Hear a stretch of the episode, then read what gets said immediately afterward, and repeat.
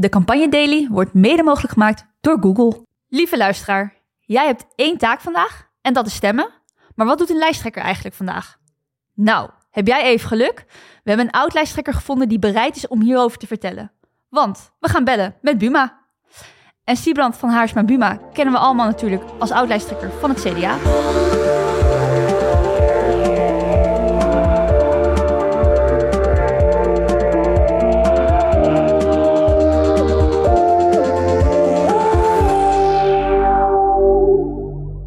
Goedemiddag, burgemeester Buma. Goedemiddag. Goedemiddag, hartstikke leuk dat u uh, mij op verkiezingsdag uh, te woord wilt staan.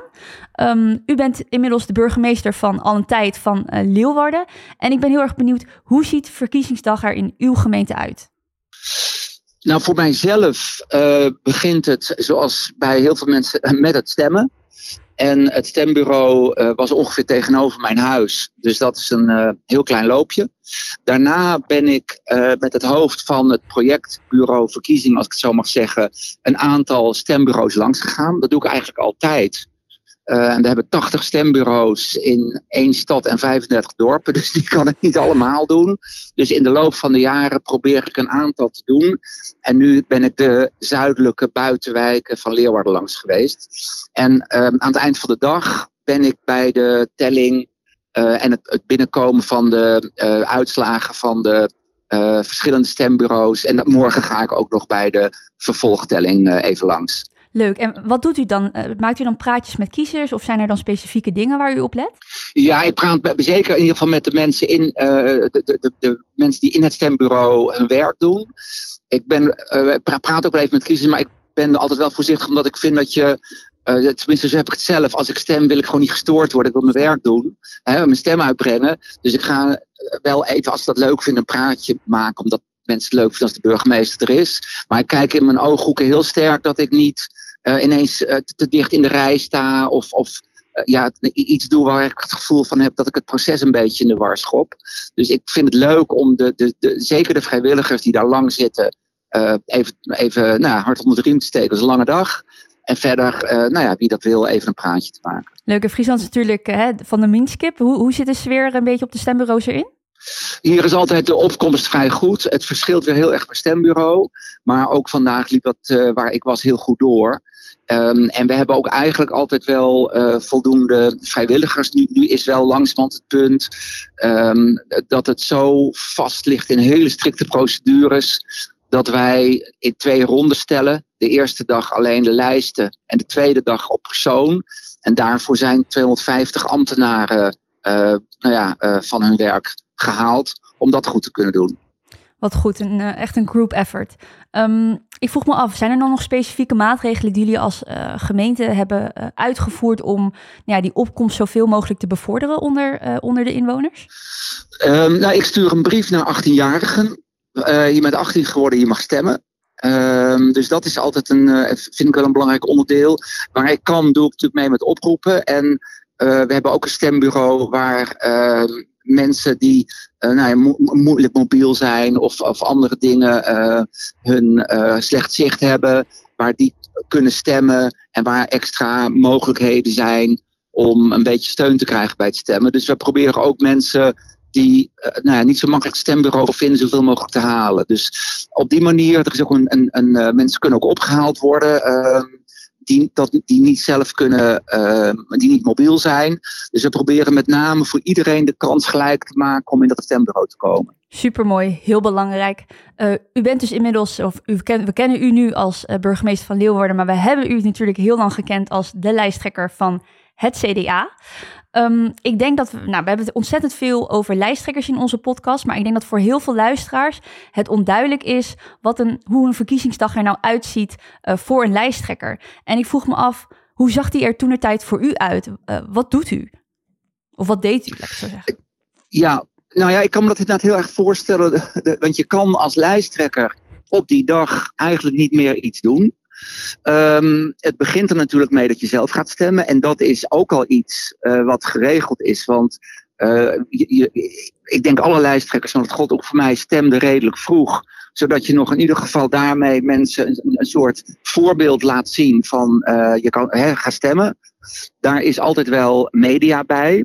Dus je spreekt af uh, wanneer die er zal zijn, dan kunnen de media de beelden schieten van de stemmende lijsttrekker. Ja, en daarna begint eigenlijk het grote wachten. En uh, wat ik, als het weer een beetje mee zat, altijd wel even ging doen op die dag, was op mijn racefiets. Uh, om even wat frisse lucht binnen te halen na die meestal slopende campagne. en s'avonds begint het wachten op de, de echte uitslagen. Want hoe werkt het dan? Want ik denk, hè, campagnevoeren zit op zo'n dag eh, niet meer in. Maar zijn er nog wel dingen die een partij kan doen om nog een beetje hè, de zwevende kiezer te laten landen? Nou, eigenlijk uh, niet. Het is, het, het is zo dat het misschien iets verandert dat men toch nog iets doet. Het was altijd zo, een soort gentleman's agreement. Je stopt de avond voor de verkiezingen en de dag zelf is voor de stemmer. En daar zit, zaten wij ook altijd nogal op die lijn. Dus ik ga niet zelf uh, nog flyeren of uh, op plekken toe waar mensen komen. Dat, dat, dat deden we echt bewust niet. En ik weet niet of dat nu iets anders alweer is, maar dat voelde ik een beetje bij nieuwe partijen opkomen. Maar, maar ik vond dat toch uh, nou ja, als leider van het CDA niet echt passen bij nou ja, het beeld wat je hebt. Stemmen is aan de kiezer, de campagne is daarvoor. Dus dat deden we niet. Helder. Uh, u zei net al van, ik maakte dan even mijn hoofd leeg. Ik ging fietsen en maakte me klaar voor, voor de uitslagenavond. Uh, Zo'n uitslagenavond is natuurlijk ontzettend belangrijk voor de partij zelf. Ontzettend veel vrijwilligers die uh, eraan meehelpen. Uh, er zit sfeer in of niet. Wat, wat deed u? schreef u twee versies van een speech die u aan het einde van de avond kon houden? Of of zat u er vooral uh, zenuwpezend bij de uitslagenavond? Nou, die twee dingen hoeven niet los van elkaar te staan. vaak sliep ik ook nog wel even. Ik weet niet of ik dat nou in 2017 heb gedaan, maar je, je, je bent dus redelijk op tijd op. De avond daarvoor is laat geworden, omdat je de, uit, de, de laatste, het laatste debat had. Um, dus uh, s'avonds moet je wel weer frisser staan, of je nou verliest of dat je wint.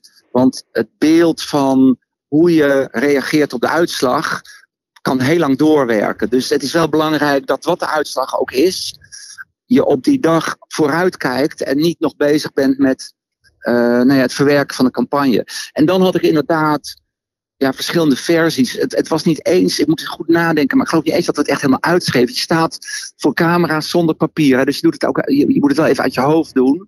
En um, ja, er was altijd de mogelijkheid, die is er altijd. Uh, winst, grote winst, kleine winst, gelijk blijven, verlies, groot verlies. Ja, uiteindelijk weet je het niet precies. En zelfs de uh, exit poll zegt nog lang niet alles. Nee, zeker. En u zegt net van uh, die camera's staan op de lijsttrekker. Uh, hoe u reageert um, kan nog heel lang uh, doorwerken. Heeft u daar misschien een voorbeeld van? Wat, wat mij heel erg bijstaat is 2014, want dat was een hele aparte verkiezing. Dat waren de gemeenteraadsverkiezingen. En dat was volgens mij voor mij, denk ik, de eerste die ik als lijsttrekker meemaakte. Maar dat was wel een, een, een, een belangrijke. En wij stonden in de peilingen zo'n beetje op uh, gelijk blijven met, met daarvoor. En dat was eigenlijk al wel weer heel erg terug nadat we uh, in 2012 zo verloren hadden. Dus er, er was zo'n weg omhoog gevoel. En toen kwam er een exit poll waarin wij heel veel verloren. En ik denk echt wel een derde of zo van de zetels. Dus we waren echt in de mineur. En daar hadden we niet op gerekend. En uh, tegelijkertijd oppeppen, want je moet toch weer aan de bak. Maar wij hadden natuurlijk voortdurend contact met onze teams in het land. En daar kwamen helemaal niet slechte uitslagen van. Zelfs uh, winst hier en daar. Dus op een gegeven moment werd bij ons een beetje meegeteld. We dachten, dat kan helemaal niet, dat kan niet kloppen. Maar we zagen op tv steeds de, de, journalisten vertellen, het CDA krijgt een grote klap, het CDA verliest onverwacht heel veel. En toen moest ik op een gegeven moment toch wel dat podium op. Met het bijzondere dat dus de mensen thuis het beeld hebben van CDA groot verlies. Vaak ook nog onder in dat schermpje. Ondertussen kwamen uitslagen die iets anders waren. En ik dus ook gezegd heb, ik ga straks een heel ander verhaal houden. Want ik denk dat we best wel eens een keer goed gedaan kunnen hebben. En dat was dus best wel spannend. Omdat mensen zeiden, nou, hè, de journalist, wat denk jij, risico, want jullie verliezen. Nou, toen bleek het dus inderdaad heel erg mee te vallen. En volgens mij of gelijk of een heel klein plusje, maar ongeveer gelijk. Terwijl toch de volgende kranten, de, de kranten van de volgende dag, nog steeds op de, op de, de, de eerdere stand van CDA verlies uh, zijn. En dat, dat draag je dan een tijd mee, dat beeld van verlies. Terwijl we eigenlijk dus wonnen en ik dat beeld moest uitstralen. En dat, dat staat me heel erg bij die avond. Wauw, dat lijkt me echt heel lastig als, uh, als lijsttrekker, die worsteling uh, tussen die twee, nou ja, eigenlijk verschillende scenario's. Ehm, Hij was heel apart. Ja, ja en vooral dus om, om uh, iets te zeggen wat volstrekt strijdt met het beeld wat op dat moment bij de mensen thuis binnenkomt. Met ook wel weer de slag om de arm. Dat ja, ja, we kunnen er toch ook wel weer naast zitten. Nou ja, uiteindelijk bleek gelijk te hebben. Maar um, dat was dus inderdaad een hele aparte uitslagenavond. Mooi, dat is in ieder geval, was in ieder geval goed voor het CDA. En u uh, zei net ook Zeker. al van, uh, hij bent bezig met vooruit uh, kijken. in hoeverre denk je dan al als lijsttrekker na over, goh, na die verkiezingen, dus hè, letterlijk de dag na de verkiezingen, de formatie. In hoeverre bent u daar dan al mee bezig geweest? Nou, meteen. Um, kijk, het punt, en ook vandaag, hè, heel simpel, je weet het gewoon niet. Het kan echt alle kanten opgaan. Maar al heel snel en dat is eigenlijk in die nacht voel je of je zeg maar in een eerste ronde mee zal doen met de partijen die uh, nou ja, echt moeten gaan kijken, gaan we meeregeren of niet. In 2012 wist ik, we doen niet mee. Uh, in twee, dus dat is een heel andere mindset dan bij ons 2017, toen ik wist, we gaan niet ontkomen, uh, wij gaan meedoen. Uh, dus dat zijn echt inderdaad dingen waarop je op die nacht mee bezig bent. Wel nadat de uitslagen zijn, want daarvoor vind ik het ingewikkeld, maar dat gaat dan al heel snel. Leuk, dank uh, voor dit eind, inkijkje in nou ja, de dag van een lijsttrekker. Ik ben in ieder geval een stuk wijzer op geworden. Um, dank u wel. wat ik ook hoor in uw verhaal is dat de gemeente Leeuwarden volgens mij ontzettend goed bezig is met die opkomst en hopelijk dus zoveel mogelijk kiezers naar de stembus kan trekken. Dus chapeau daarvoor. nogmaals hartelijk dank en een fijne dag meneer. Nou, dankjewel. Jij ook een fijne dag. Dank u wel. Dag. Dag.